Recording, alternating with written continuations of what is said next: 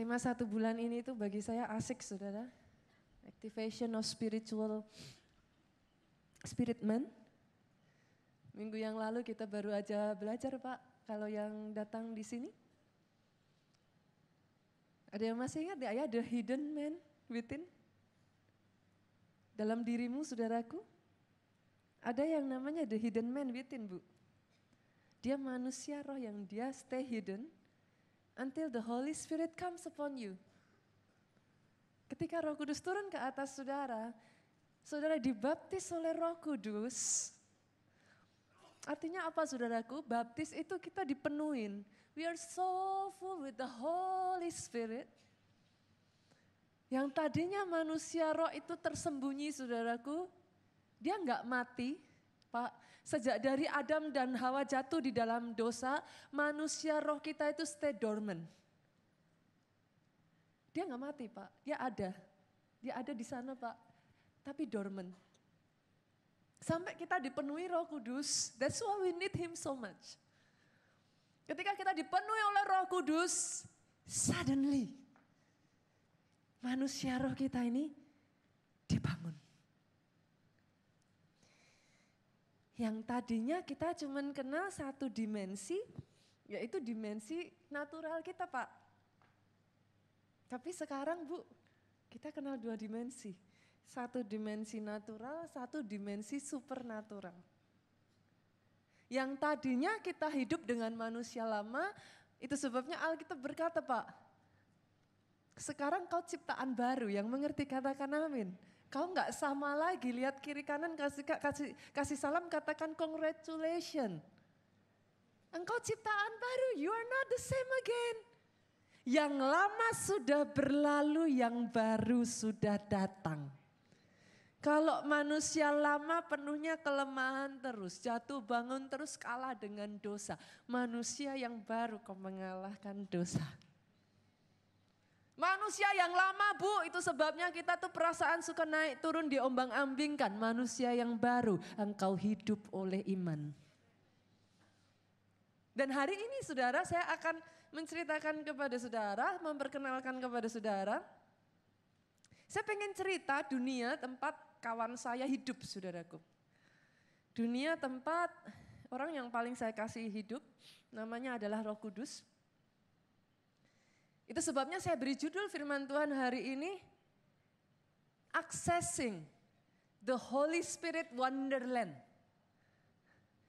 Saya pengen memperkenalkan kepada saudara negeri di mana sahabat baik saya ini tinggal, saudara. Saya memakai kata wonderland, saudaraku, karena bagi saya it's just like the right, apa ya saudara, itu adalah kata-kata yang memudahkan untuk kita bisa mengerti di zaman masih perang dunia, saudaraku, ada seorang yang punya mimpi. Dia kepingin membawa senyuman dalam diri anak-anak. They lost their smile, they lost their dream. They simply don't know how to dream anymore. Setiap hari yang mereka tahu, mereka ketakutan. Nama orang ini adalah Walt Disney. Dia menciptakan satu dunia, saudaraku, di mana every children can dream whatever they like. Berapa banyak ibu-ibu di sini yang sama seperti saya? Kira-kira loh saudaraku, ada nggak ya di sini kalau lihat tikus, terus saudara lihat tikus, saudara bilang, "It's so cute." Nggak ada kan? Ibu-ibu halo jujur, kalau lihat tikus cepet-cepet ambil apa? Sapu saudaraku. Kalau bisa pukul saudara. Bila perlu cepat-cepat bunuh buang. Kita semua jijik sama tikus. Hanya di satu dunia yang diciptakan oleh Disney ini. Tikus yang menjijikkan bu. Bisa jadi satu makhluk yang so lovable. Semua anak kecil suka. Siapa namanya? Semua saudara tahu.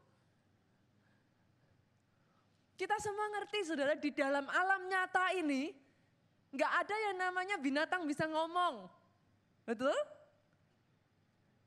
Tapi di dunia Disney, they can speak. They talk just like us. Saudara pernah lihat filmnya Ratatouille? Ada di sini pecinta Disney, I love Disney so much. Saya bisa nangis kalau nonton Disney, saudaraku. Nonton yang lain saya nggak nangis, tapi nonton Disney saya bisa sesenggukan, saudaraku. Aduh, Ratatouille. Bahkan saya, saya ada nggak di sini yang pernah nonton, saya lupa namanya, itu Ratatouille atau yang lain ya. Nonton yang filmnya itu loh saudara, kecoa. Itu apa ya? Yang kecoa jadi begitu lucu itu apa ya? Apa sih? Tah, you know it? No, you don't know. Apa ya? Saya lupa. Saya tuh baru seumur hidup itu nonton filmnya Disney, dia bisa membawakan betapa kita sampai masuk saudaraku dengan penderitaan seekor kecoa yang dikejar-kejar akan dibunuh saudara. Selama ini kan kita nggak pernah berpikir seperti itu. Apa sih yang saya maksudkan dengan the wonderland ini saudaraku? Yang saya ingin katakan dengar baik. Satu dunia di mana Alkitabmu tidak lagi menjadi buku yang mati bagi engkau. Satu dunia di mana Alkitab yang kau baca menjadi begitu hidup dalam kehidupan saudara. So alive and so real in your life. That's the Holy Spirit wonderland saudaraku. Itu sebabnya Tuhan kita mengajarkan kepada kita. Orang Kristen nggak boleh lupa doa Bapa kami. Matius 6 ayat 9 sampai 10 mengatakan apa? Berdoalah demikian. Disuruh doanya gimana? Jangan dibukain media, biarin tutup. Ayo orang Kristen, doa Bapa kami nggak ngerti sudah lihat kiri kanan saya cekik. Yuk doa Bapak kami, ada yang ingat? Bapa kami yang ada di surga, dikuduskanlah namamu, datanglah kerajaanmu, jadilah kehendakmu di bumi seperti lihat kiri kanan, kamu keren. Kita kasih tepuk tangan buat Yesus kita. Harus hafal doa Bapak kami, saudaraku. Artinya apa? Dunia itu berbicara, di bumi itu berbicara tentang manusia jasmani, Bu. Surga itu berbicara perkara roh. Kerajaan ini berbicara tentang dominasi, power, authority. Yesus mau setiap dari saudara berdoa. Yes, he ask you to pray like that.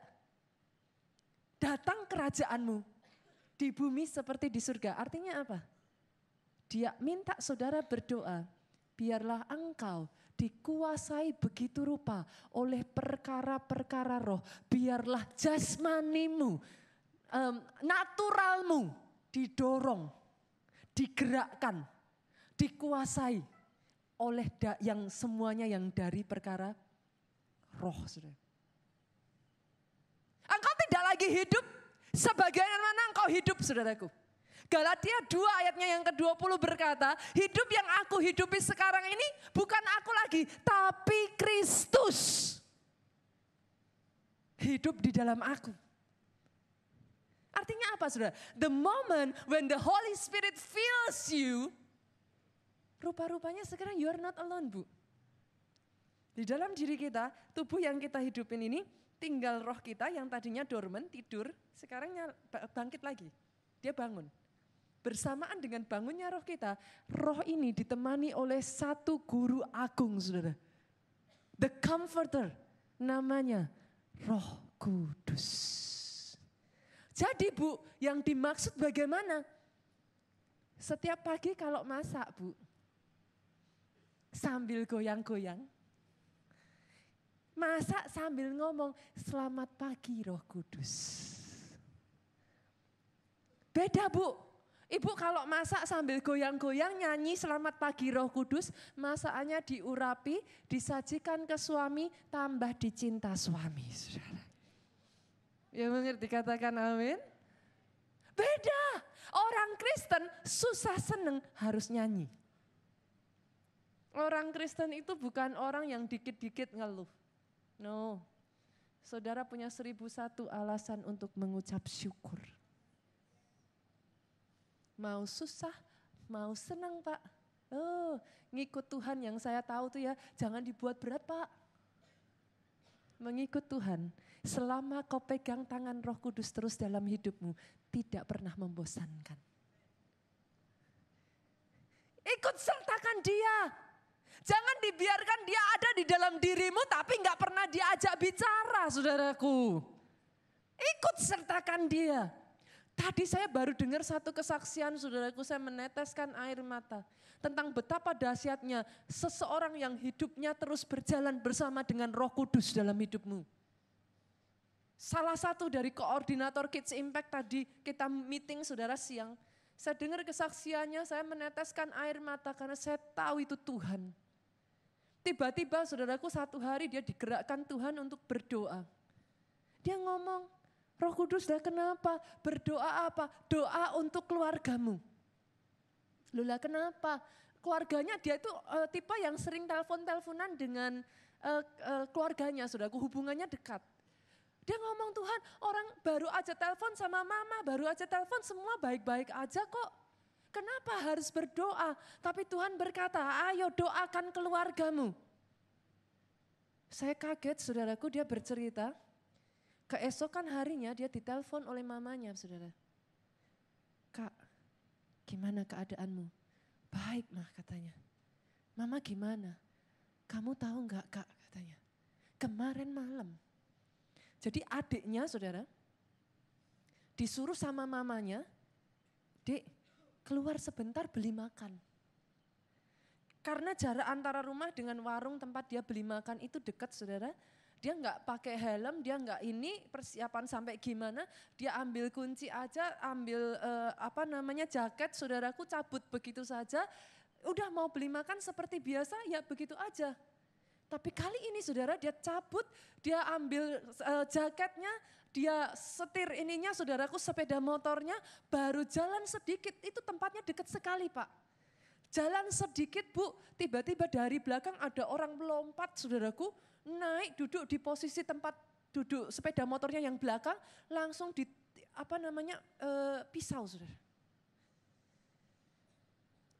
Anak ini tuh gak tahu apa-apa saudaraku dengan ditodong pisau seperti ini. Entah gimana ternyata si uh, orang yang menodongkan pisau ini ajak dia keliling-keliling sampai masuk tempat yang gelap dan tempat yang terpencil saudaraku. Tapi anehnya selesai semuanya itu cuman diambil handphonenya saudara. Dia pulang. Sepeda motornya nggak diapa-apakan, dia ada dalam keadaan baik-baik, tidak satu pun semuanya diambil dompet segala macam.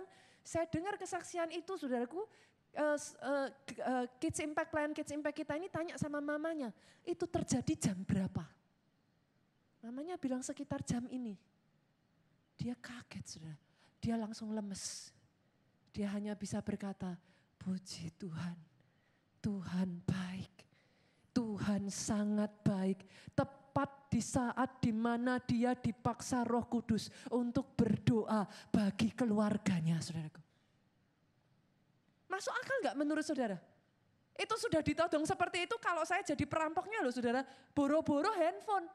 Ya langsung diambillah sepeda motor yang paling masuk akal saudara. Kalau memang tidak ada niatan apa-apa saudara, ngapain disuruh putar-putar sampai ke tempat terpencil yang gelap-gelap saudaraku.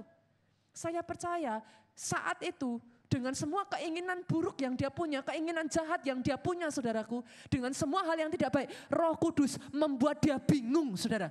Sampai saking bingungnya nggak ngerti apa yang dia lakukan, sudah diambil yang langsung kelihatan handphone, habis itu tinggal saudaraku. Anak ini pulang dengan keadaan selamat tidak kurang satu apa pun. Tahukah saudara, Roh Kudus itu hidup. Yang mengerti katakan amin. Talk to him. Jangan dicuekin saudara. Ketika saudara semakin dekat dengan dia, hidupmu itu manunggal dengan dia. Hanya orang Kristen yang hidupnya manunggal dengan dia, hidupnya tidak membosankan. Kalau hari-hari ini rohmu mulai suam-suam, cek, do you talk to him? Apakah engkau hanya selama ini berjalan sendirian?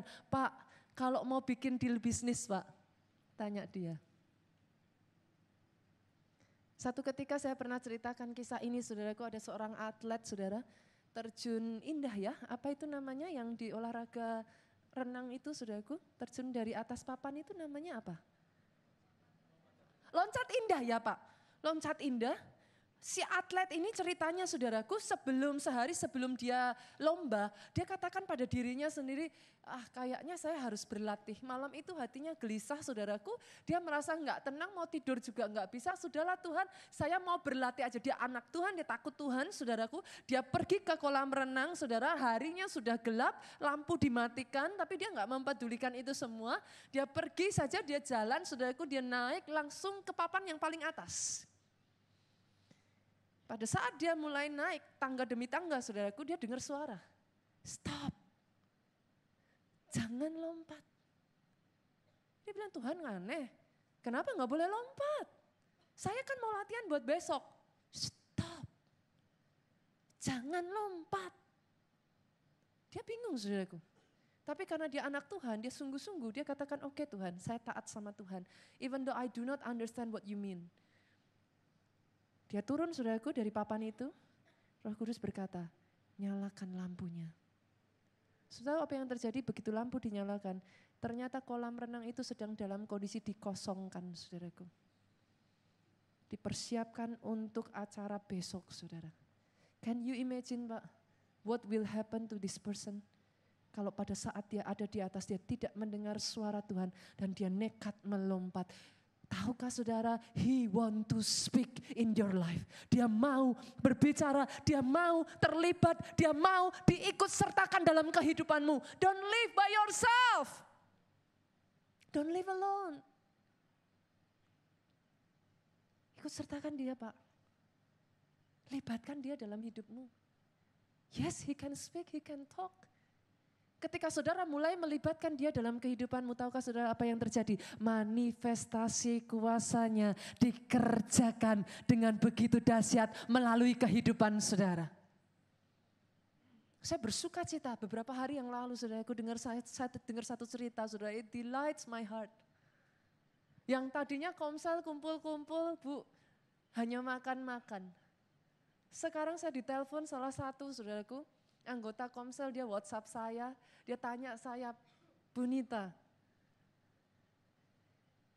rupa-rupanya saudara dia ini adalah donor ASI. Dia seorang ibu, uh, dia merasa dianugerahi Tuhan karena dia bisa meng, apa namanya menyediakan ASI untuk anaknya dan lebih dari cukup saudaraku. Bahkan kadang sampai dibuang-buang saudara, saking sudah banyaknya. Dia merasa kayaknya saya harus berbagi deh dengan orang-orang yang memang membutuhkan.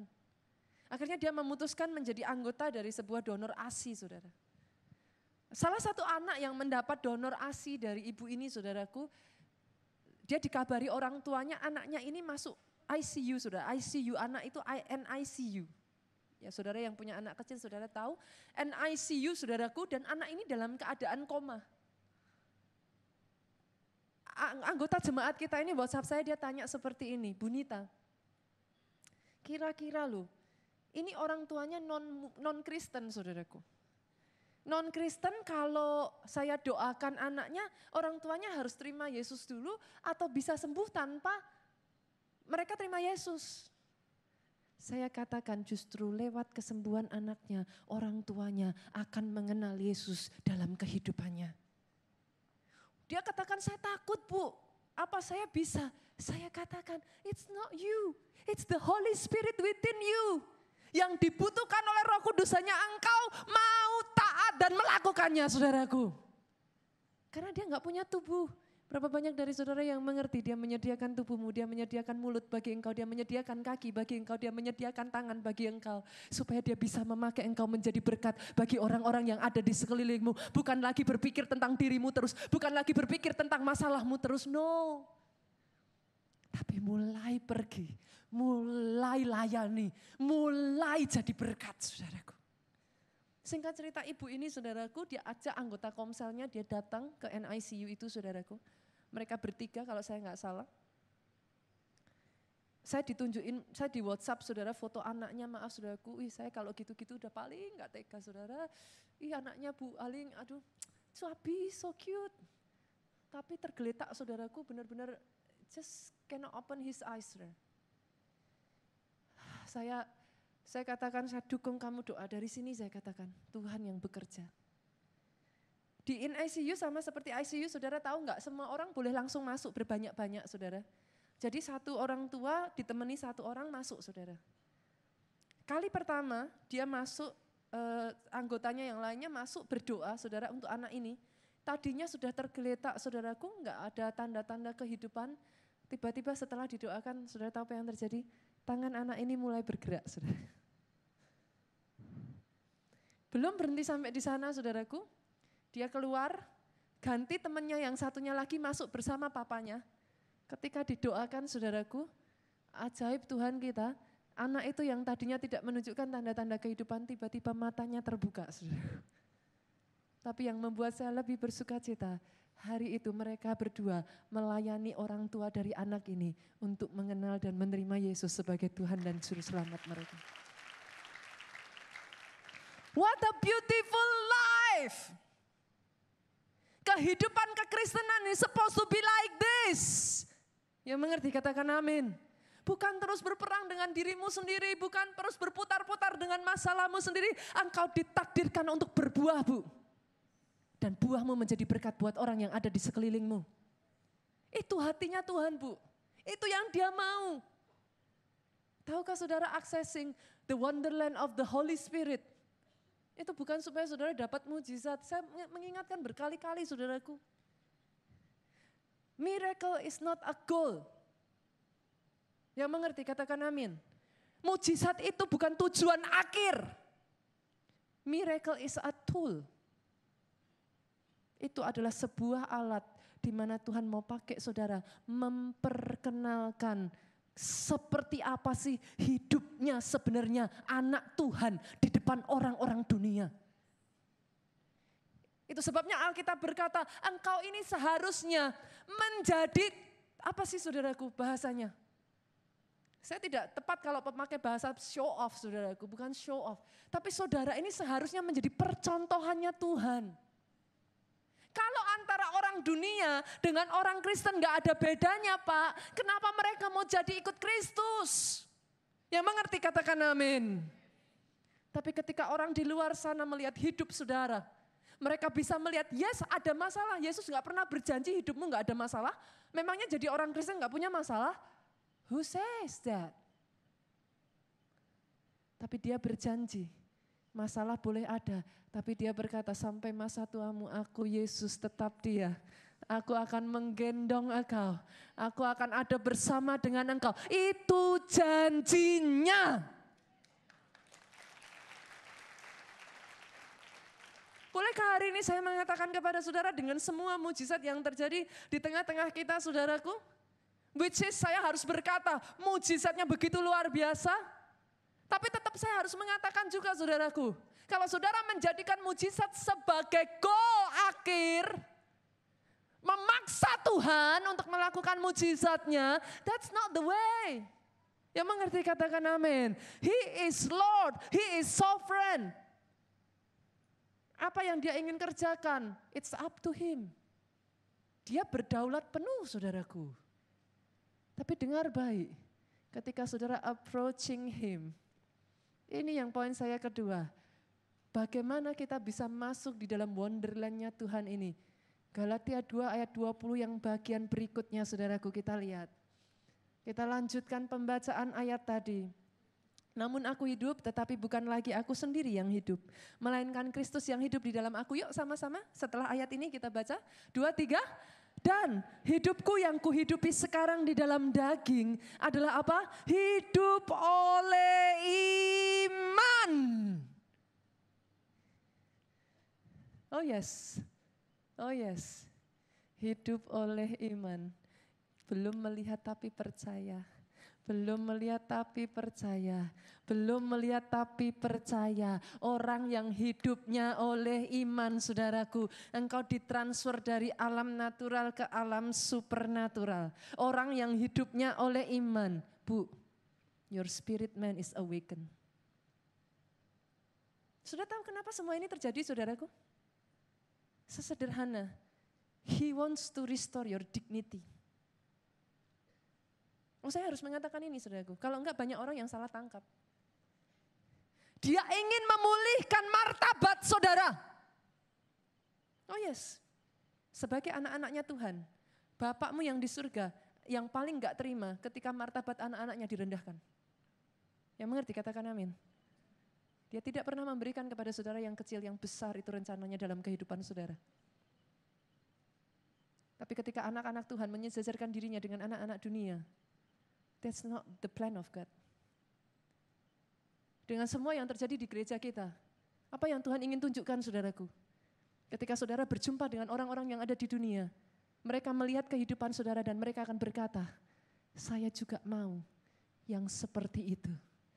Kenapa dalam hidupmu bisa terjadi yang seperti itu. I also want it. Doa saya sejak dari hari ini saudaraku. Jangan fokus terus pada masalahmu, jangan fokus terus pada kehidupanmu. Jangan fokus terus pada semua yang terjadi dalam kehidupanmu. Engkau, engkau, aku, aku, me, me, mine, and myself. Tapi sejak dari hari ini, jadikan diri saudara ini sebagai proyek percontohannya Tuhan untuk orang yang di sekelilingmu lihat hidupmu. Katakan pada saudara, pakai pada Tuhan saudaraku. Tuhan pakai aku. Tuhan kerjakan karyamu dalam hidupku. Nyatakan mujizatmu seluas mungkin melalui aku.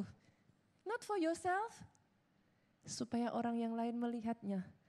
Mereka yang tadinya tidak mengenal Yesus percaya dan menerima Yesus sebagai Tuhan dan Juru Selamat dalam kehidupan mereka. Itu yang jadi kerinduannya Tuhan, saudaraku. Tapi untuk itu bisa terjadi, kita itu punya musuh yang paling besar. Berapa banyak di sini yang tahu siapa musuh terbesarmu? Pak, musuh kita itu bukan orang lain, Pak. Banyak orang yang saya lihat ya sudah saya berjumpa dengan orang-orang yang dahsyat, orang-orang yang hebat. But your biggest enemy is yourself. Banyak orang-orang hebat jatuh karena karakternya sendiri sudah. You cannot be higher than yourself. Saudara boleh menipu orang lain. Orang lain boleh melihat saudara hebat, but you can never be other than yourself. Sering kali saudaraku musuh terbesar kita. Roh kita ditundukkan di bawah pengaruh roh kudus. Tapi ingat, bagian manusia ini terdiri dari roh, tubuh, dan jiwa. Jiwa ini bagian yang tricky Pak. Jiwa kita ini terdiri dari apa saudaraku? Pikiran? Perasaan? Kehendak. Saudara saya tanya di sini, setidaknya saudara di sini, semuanya di sini yang sudah lulus SD yang angkat tangan saudara. Saudara lulus SD aja itu sudah berapa tahun saya tanya?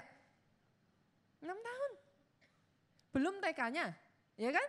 Tambah SMP berapa tahun lagi? Tiga. Tambah SMA berapa tahun lagi? Tiga. Belum puas, SMP, SD, SMA, tambah lagi S1, saudaraku.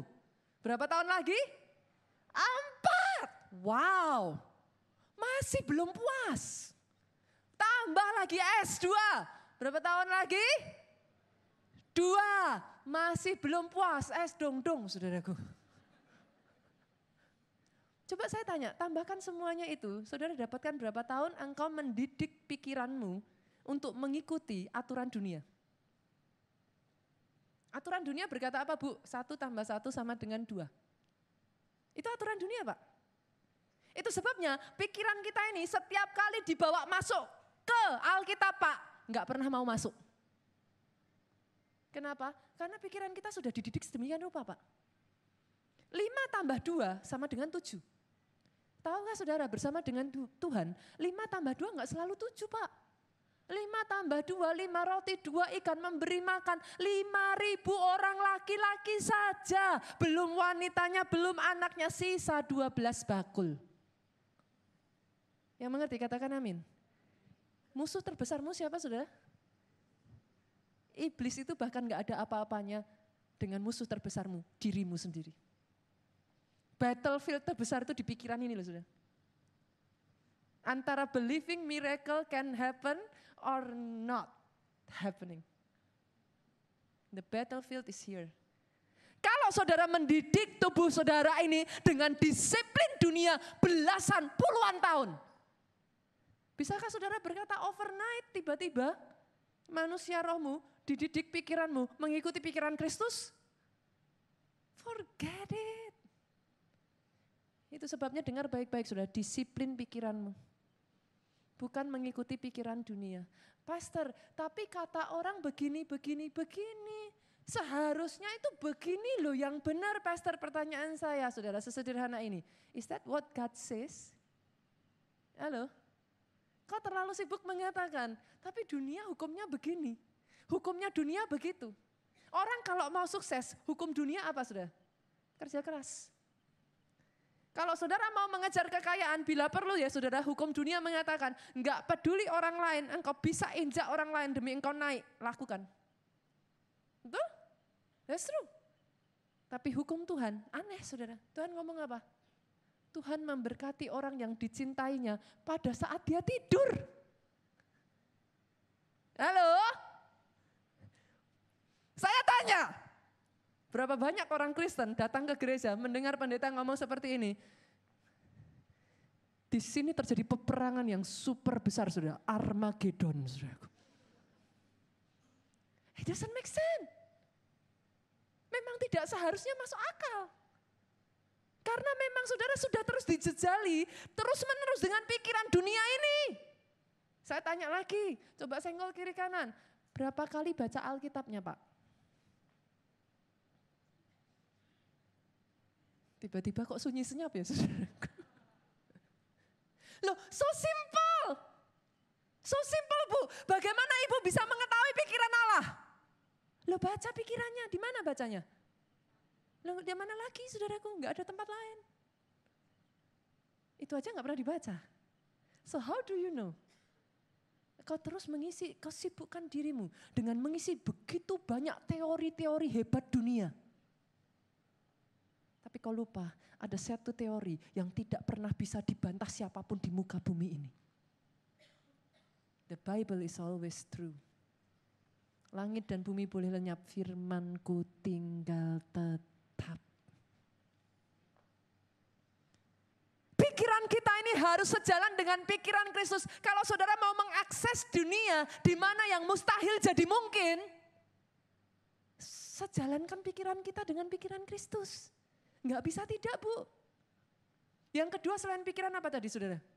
Jiwa kita terdiri dari pikiran apa? Perasaan. Bu, berapa banyak kita tahu yang namanya perasaan. Siang boleh naik, siang happy-happy, malam kita nangis-nangis.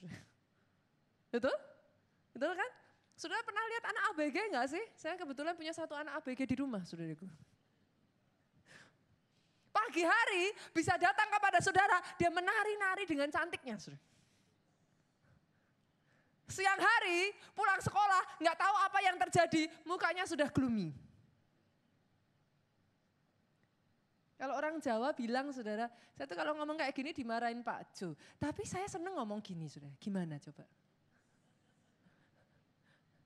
Orang Jawa di sini yang orang Jawa tahu yang saya maksudkan. Orang saudara bukan orang Jawa pun ya, saudara orang daerah. Saudara pasti punya bahasa yang somehow itu bahasa Indonesia itu nggak ada bahasanya. Bener nggak saudara? Kan bahasa Jawa tuh mantap saudara. Sama-sama jatuh saudaraku, ya kan? Jatuh. Bahasa Indonesia tuh semuanya jatuh. Bahasa Jawa lain, jatuh ke belakang, itu lain. Jatuh ke depan, itu lain saudaraku. Jatuh tersandung, lain lagi. Kepleset, lain lagi bahasanya. Kan? Jadi kalau ngomong bahasa Jawa tuh mantap. Saya tuh suka dimarahin Pak Jo karena emangnya yang dengerin kamu tuh cuman orang Jawa katanya. Tapi orang Jawa tuh punya kalau saudara tahu, esok dele sore tempe. Yang orang Solo ketawa, saudara saya orang Solo. Apa sih artinya saudara? Perasaan manusia itu bisa berubah-ubah. Kalau saudara mengandalkan perasaan saudara, hidupmu tidak akan pernah naik. Engkau lihat keadaan baik, kau senyum. Kau lihat keadaan buruk, Pak, kau menangis. Itu perasaan manusia. Disiplin perasaanmu untuk mempunyai perasaan Kristus. Itu sebabnya Alkitab mengatakan orang benar hidup oleh iman. Engkau tidak hidup oleh perasaanmu. No, nggak pernah. Orang benar hidup oleh iman. Iman itu apa saudaraku? Belum melihat tapi percaya. Pastor, kenyataannya belum sembuh. Terus kenapa? Ya memang kenyataannya belum sembuh. Tapi imanku berkata, aku sudah sembuh. So I don't care. Ya mengerti, katakan amin. Yang mengerti aminnya lebih keras. Seperti kemarin saya menjelaskan kepada saudara. Hari ini saya akan membawa saudara masuk. Bukan hanya manusia jasmani yang punya lima panca indera. Kemarin saya menjelaskan kepada saudara. Satu panca indera saja berkata itu sah. Ya masih ingat saya ulang-ulang ini terus saudaraku. Saya akan ulang-ulang terus sampai itu masuk. Katakan saudara saat ini tangan saya diikat. Biar yang lain lupa yang ini aja ingat nggak apa-apa saudaraku. Tangan saya diikat, mata saya ditutup. Bu Aling bawa kopi di depan hidung saya. Saya ngelihat ada kopi enggak? Enggak. Saya bisa megang itu kopi enggak? Enggak. Tapi hidung saya bisa mencium itu kopi enggak? Bisa. Dan satu hidung saya yang mencium ada kopi saudaraku, saya berkata sah itu kopi. Yang mengerti katakan amin. Ini lagi ya saudara. Saya tutup mata saya, saya tutup telinga saya, saya matikan uh, keyboard ini. Tangan saya meraba, saudara. Gak ada bunyinya. Kedengaran bunyi keyboardnya enggak? Kedengaran enggak? Mata saya bisa lihat ada keyboard enggak? Tapi tangan saya, tangan saya memegang. Ya saya tahu ini keyboard. Satu panca inderamu mengatakan itu keyboard maka panca indera yang lain berkata, sah. Tahukah saudara, kita semua di tempat ini punya panca indera yang keenam. Inilah yang menghubungkan saudaraku masuk dari alam natural ke alam supernatural. Namanya adalah iman. Tanganmu memegang, sakitnya masih ada. Badanmu merasakan, memang masih sakit. Tapi imanmu berkata, aku sudah sembuh. Dengar baik saudaraku, sah. Engkau sembuh. Pegang itu baik-baik saudara. Jangan mau ditipu. Sekali lagi musuh terbesarmu untuk masuk di dalam wonderlandnya roh kudus adalah dirimu sendiri. Taklukkan pikiranmu, taklukkan perasaanmu, taklukkan kehendakmu saudaraku. Yang tadinya keinginannya, kehendaknya terus menerus apa coba? Saya tuh pernah sudah disuruh roh kudus lucu, puasa sudah. Berapa banyak yang setuju dengan saya bahwa roh kudus itu tahu um, titik yang paling tepat dalam hidup saudara. Dia pokoknya tahu aja saudara. Roh kudus bilang ke saya, Nita puasa, siap. Puasa, beres saya pikir saudara. Gampang puasa, beres, siap. Tapi habis itu saya dengar suara ketawa saudara. Nanti dulu. Loh, maksudnya gimana tuh Anda puasa kan? Tidak makan tuh. Ayo. Nanti dulu. Loh terus gimana? Puasa. Puasa apa? Enggak shopping. Ada yang sama seperti saya pecinta shopping? Langsung saya katakan, bukan dari Tuhan.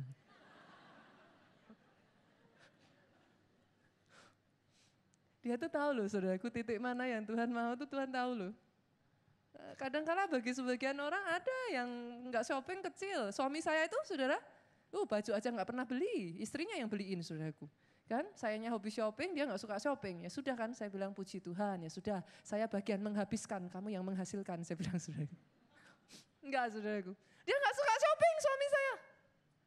Kalau saudara suruh suami saya puasa shopping, dia akan hahaha happy happy. Tapi begitu Tuhan berbicara kepada saya, ah, saya ngomong sama Tuhan, disuruh puasa berapa puluh hari saya lebih mending puasa Tuhan. Sudah mengerti yang saya maksudkan? Keinginanmu ke mana arahnya? Halo? Kalau kau mau masuk ke wonderlandnya Tuhan, sudah aku nggak bisa enggak. Kau harus condongkan keinginanmu pada perkara-perkara yang di atas. Hari-hari ini, tahukah saudara kenapa banyak mujizat terjadi di gereja kita? Orang-orang yang tadinya banyak datang kepada saya, Pastor, suruh doa. Katanya Tuhan bilang, Yesus bilang, tidak sanggupkah engkau berjaga-jaga barang satu jam saja. Langsung dengan cepat, loh, saudara dia jawab, memang tidak sanggup, Pastor. Saya pengen jita, saudara. Jawabnya enak sekali. Kalau itu, saudara, kalau itu pastor, mustajab. Bukan cuma mustahil katanya saudaraku, mustajab katanya. Nggak bisa, mana bisa suruh doa satu jam. Saya sekarang kalau ngadepi yang begini saudara, saya nggak mau jauh-jauh. Saya debat percuma kan saudara, saya suruh doa juga percuma. Saya bilang udah deh kamu ikut pondok Daud aja. Pulang dari pondok Daud, saya tanya lagi, gimana tadi ikut pondok Daud? Kok ada ya pastor? Saya tuh biasanya setengah jam ngantuk. Udah bablas langsung gigi tiga. Sekarang saya datang pondok Daud. Orangnya yang tugas bilang amin. Saya kaget, bu sudah dua jam. Kok nggak berasa? Katanya sudah. Hari-hari ini tahukah saudara, orang-orang yang tadinya nggak bisa berdoa satu jam saja, imannya dibangkitkan, stamina rohnya didorong. Yang tadinya nggak bisa doa setengah jam, sekarang satu jam, sekarang dua jam. Banyak yang ikut pondok Daudnya, bukan sekali, dua kali, tiga kali, bahkan setiap hari juga ada, saudara. Nggak heran, saudaraku. Miracle happen just like that. Hari ini yang saya ingin ingin bagikan kepada saudara, ini waktu saya terbatas sebenarnya kesaksiannya banyak. Tadi Bu Aling baru aja dengar kesaksian lagi. Bahkan bukan jemaat gereja kita. Dari luar saudaraku sekarang jemaat. Tapi sebelumnya ini dari Lampung saudara. Dari Lampung dengar khotbah lewat Youtube. Saudara bahkan tidak, dia bahkan tidak datang ke gereja kita. Dengar lewat Youtube jauh-jauh dari Lampung, dia punya penyakit jantung sudah. Dia punya penyakit jantung yang sudah akut, parah, sudah sampai bernafas aja sangat susah sekali. Dokter katakan ini harus segera dioperasi, kalau tidak bisa sangat berbahaya. Tahukah saudara, dia dengar, tangkap firman Tuhan, nggak susah-susah. Kan sederhana tuh saudaraku. Sebenarnya nggak susah-susah. Dia dengar, dia tangkap, dia percaya begitu saja. Tiga minggu yang lalu saudaraku saya dengar ceritanya. Dia datang ke gereja kita, dia menyaksikan kepada salah satu full timer, dia sudah sembuh. Nyenangin lagi saudaraku, dari Lampung saudara, sekarang berjemaat di gereja kita. Dari Lampung sudah. Saya sampai bingung, Lampung berjemaat di sini gimana caranya saya bilang. Dia rela pindah ke sini saudaraku. Dia merasa Tuhan bekerja luar biasa. Enggak berapa lama setelah itu, tahukah saudara, dia digerakkan Tuhan, nabur saudaraku benih profetik. Loh, saya itu juga kaget. Bu. Dengar firman seperti itu, jiwa baru, jemaat baru saudaraku, taat, nabur benih profetik. Dia berkata, Pastor, beberapa hari setelah itu, dia cerita sama salah satu full timer. Beberapa hari setelah, tapi saya kadang kalau cerita kayak gini nih saya tuh agak ini ya sudah. Nanti saudara terima, terimanya mentah-mentah gitu sudah. Dia begitu tabur saudaraku, beberapa hari setelah itu dia bercerita sudah, sepuluh kali lipat Tuhan kembalikan begitu saja. Bukan bukan bukan bukan 100 kali lipat ya sudah, uh, bukan 100 persen ya sudah. 100 persen itu satu jadi dua. Ini satu jadi sepuluh sudah. Tapi kalau itu motivasi saudara, saudara miss the whole point. Yang mengerti katakan amin. Saudara bisa melihat kan yang saya katakan? Kenapa pastor kalau seperti itu kenapa pastor ceritain terus mujizat? Karena saya berdoa semakin banyak itu terjadi di tempat ini. Oh yes. Tapi it's not because you put it as a goal. Ini adalah alat untuk engkau mempermuliakan nama Tuhan, saudaraku. Kita balik lagi ya, saudara. Ini sudah mau habis waktunya. Pemain musik boleh maju ke depan. Saya akan menjelaskan kepada saudara, tahukah saudara, ternyata bukan hanya jasmani saudara ini punya lima panca indera, tapi manusia rohmu punya lima panca indera. Oke? Kenapa saya mengajarkan hal ini saudaraku? Ada begitu banyak orang Kristen gak aware tentang yang satu ini. Kita punya lima panca indera apa Bu? Dari atas dulu ya. Apa sudah? Penglihatan mata, apa? Telinga untuk mendengar, mulut mengecap, hidung untuk mencium, tangan untuk meraba. Dari yang terakhir dulu, meraba sudah. Saya kasih contoh yang sederhana. Ini waktu saya terbatas, saya coba sebisa secepat mungkin Meraba yang sederhana aja. Kita punya indera perasa kan berarti saudaraku. Oke. Pernah nggak di sini ada nggak saudara dalam hadirat Tuhan? Kan saudara cuma nyembah nih dalam hadirat Tuhan. Lucunya kita kan cuma nyanyi. Tapi pernah nggak saudara kerasa merinding? Ih kayak kesetrum listrik. Itu apa? Saya tanya.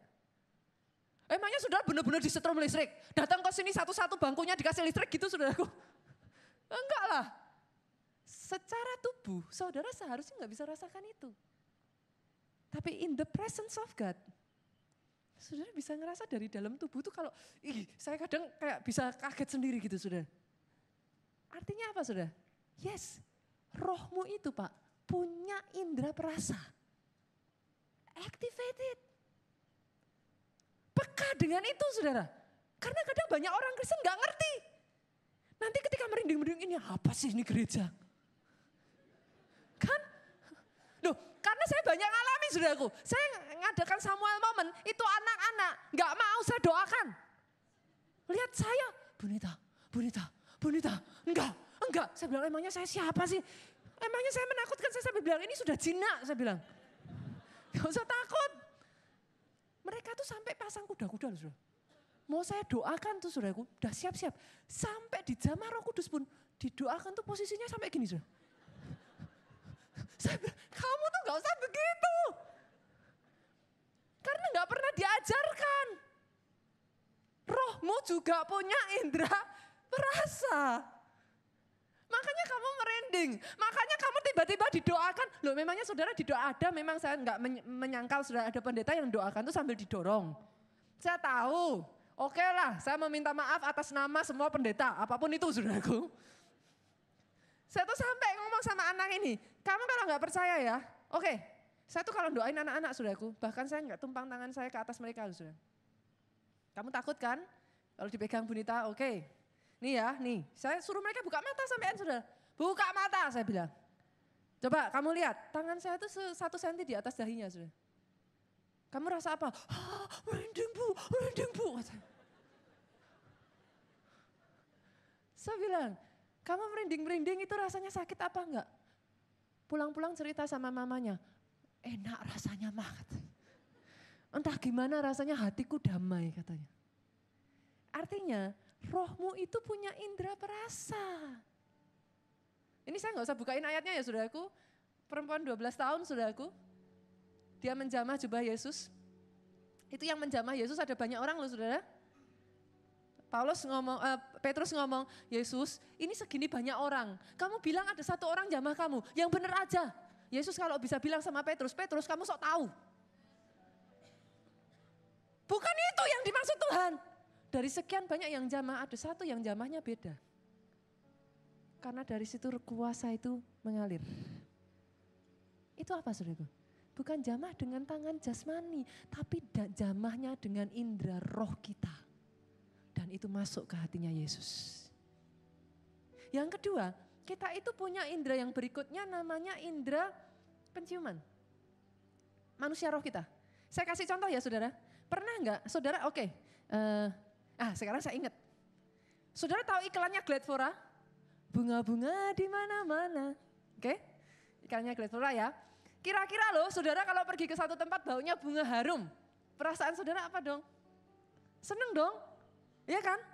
Pernah nggak pergi ke satu tempat, nggak ada bunganya, tapi nyium bunga, terus yang saudara rasain, takut. Ayo, saya tanya, itu apa?